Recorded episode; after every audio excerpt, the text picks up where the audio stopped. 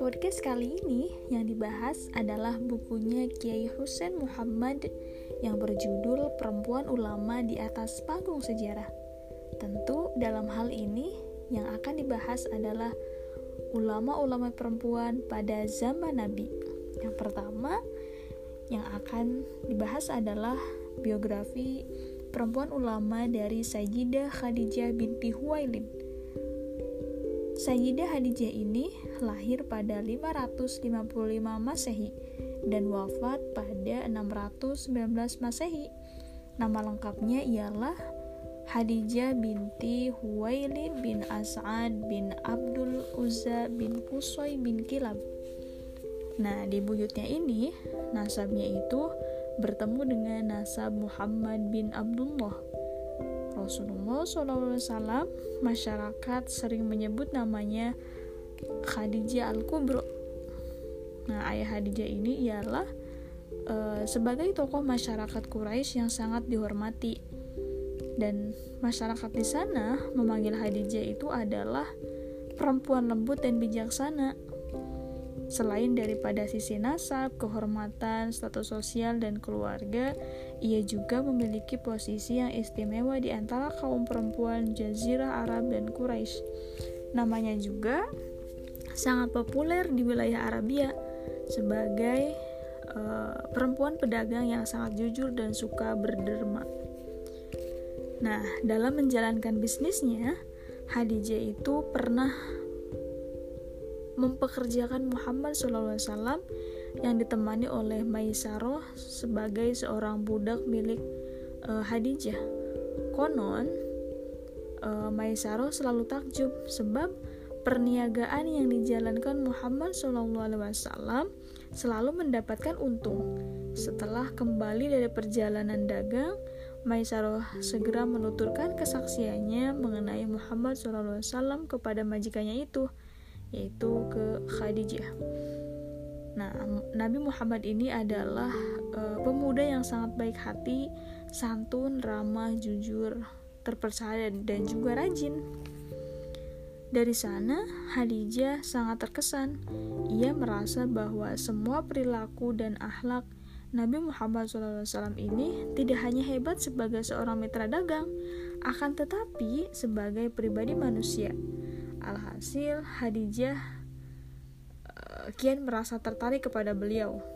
Nah, dalam buku ini juga, dalam Tazkirah Al-Khawab, Ibnu Al-Jauzi mengatakan bahwa Hadijah ini adalah perempuan berilmu dan memiliki kepribadian yang bersih, serta seorang manusia spiritual yang terpesona dengan hak-hak asasi manusia, mencintai moralitas luhur, kemudian menyukai inovasi dan kemajuan, dan sejak masa mudanya ia juga merupakan uh, salah seorang perempuan yang berbudi luhur dan sangat terkenal di Jazirah Arab.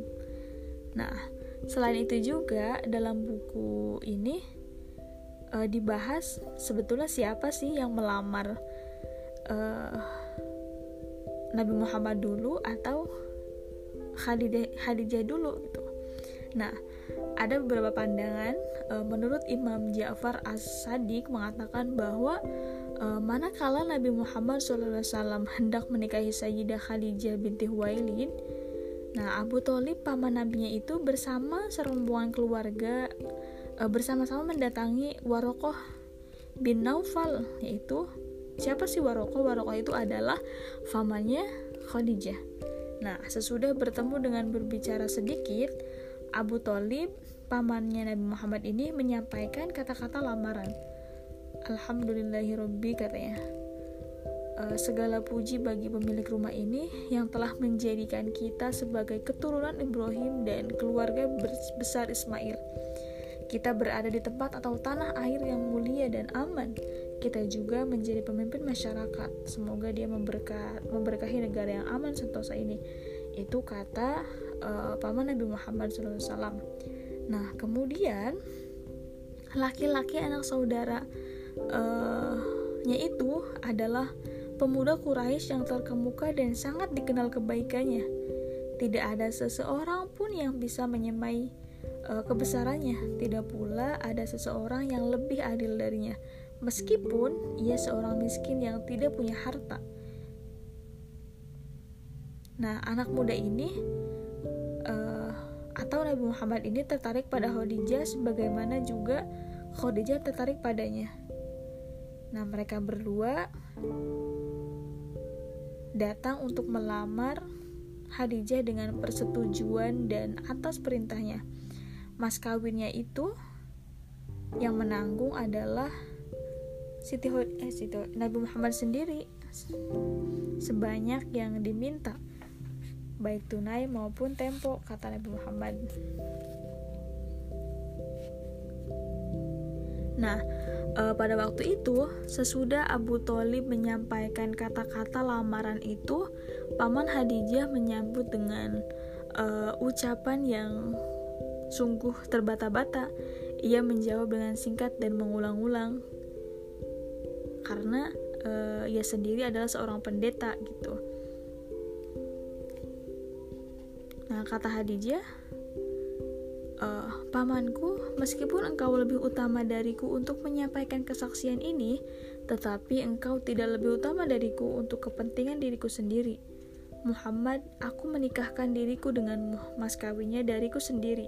Suruhlah pamanmu untuk menyembelih unta lalu walimah tasyakuran dan masuklah kepada keluargamu. Itu kata Siti Khadijah. Nah, kemudian uh, Abu Talib juga mengatakan bahwa saudara-saudara sekalian, saksikanlah ia Hadijah telah menerima pinangan atau lamaran Muhammad dan ia juga memberikan mahar mas kawinnya itu dari hartanya sendiri. Nah, itu. Nah, e, karena yang hadir pada waktu itu adalah sebagian orang Quraisy, mereka sampai mengatakan bahwa wah, ini aneh sekali. Mahar atau mas kawinnya itu kok dari perempuan ya dan dari hartanya dia sendiri gitu. Nah uh, mendengar dari ucapan uh, orang Quraisy tersebut Abu Talib tidak suka mendengar kritikan itu. Lalu Abu Talib mengatakan bahwa jika mereka seperti keponakanku ini laki-laki dan diminta mahar tinggi jika seperti kalian niscaya kalian tidak akan menikahkannya kecuali dengan mas kawinnya yang tinggi atau mahal itu kata Abu Talib. Nah, sesudah itu Abu Talib kemudian e, menyembelih unta untuk walimah dan Rasulullah SAW masuk kamar bersama istrinya yaitu Khadijah. Nah, e, selain itu juga di buku ini juga dijelaskan bahwa e, dalam sebuah riwayat e, disebutkan bahwa e, salah satu mas kawinnya itu ialah e, 20 unta betina dan 40 ekor kambing. Luar biasa bukan?